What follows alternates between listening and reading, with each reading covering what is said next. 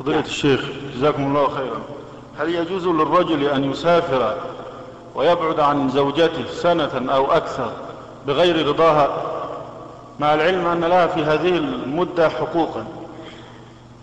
لا يجوز له أن يغيب عن أهله أكثر من ستة أشهر إلا لحاجة. إذا كان لحاجة كعلاج وما أشبهها فلا بأس لأنه مضطر وأما لغير ذلك فلا يجوز. إلا إذا رضيت وكانت في محل آمن. فلا بأس. وأما إذا لم ترضى فإنه يحرم عليه أن يبقى. وحينئذ نقول لها أنت بالخيار. إن شئت تبقين معه.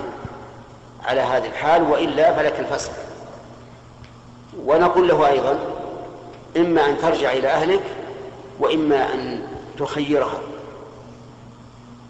هل تبقى معه أو يطلقها؟ حتى لا يضيع حقها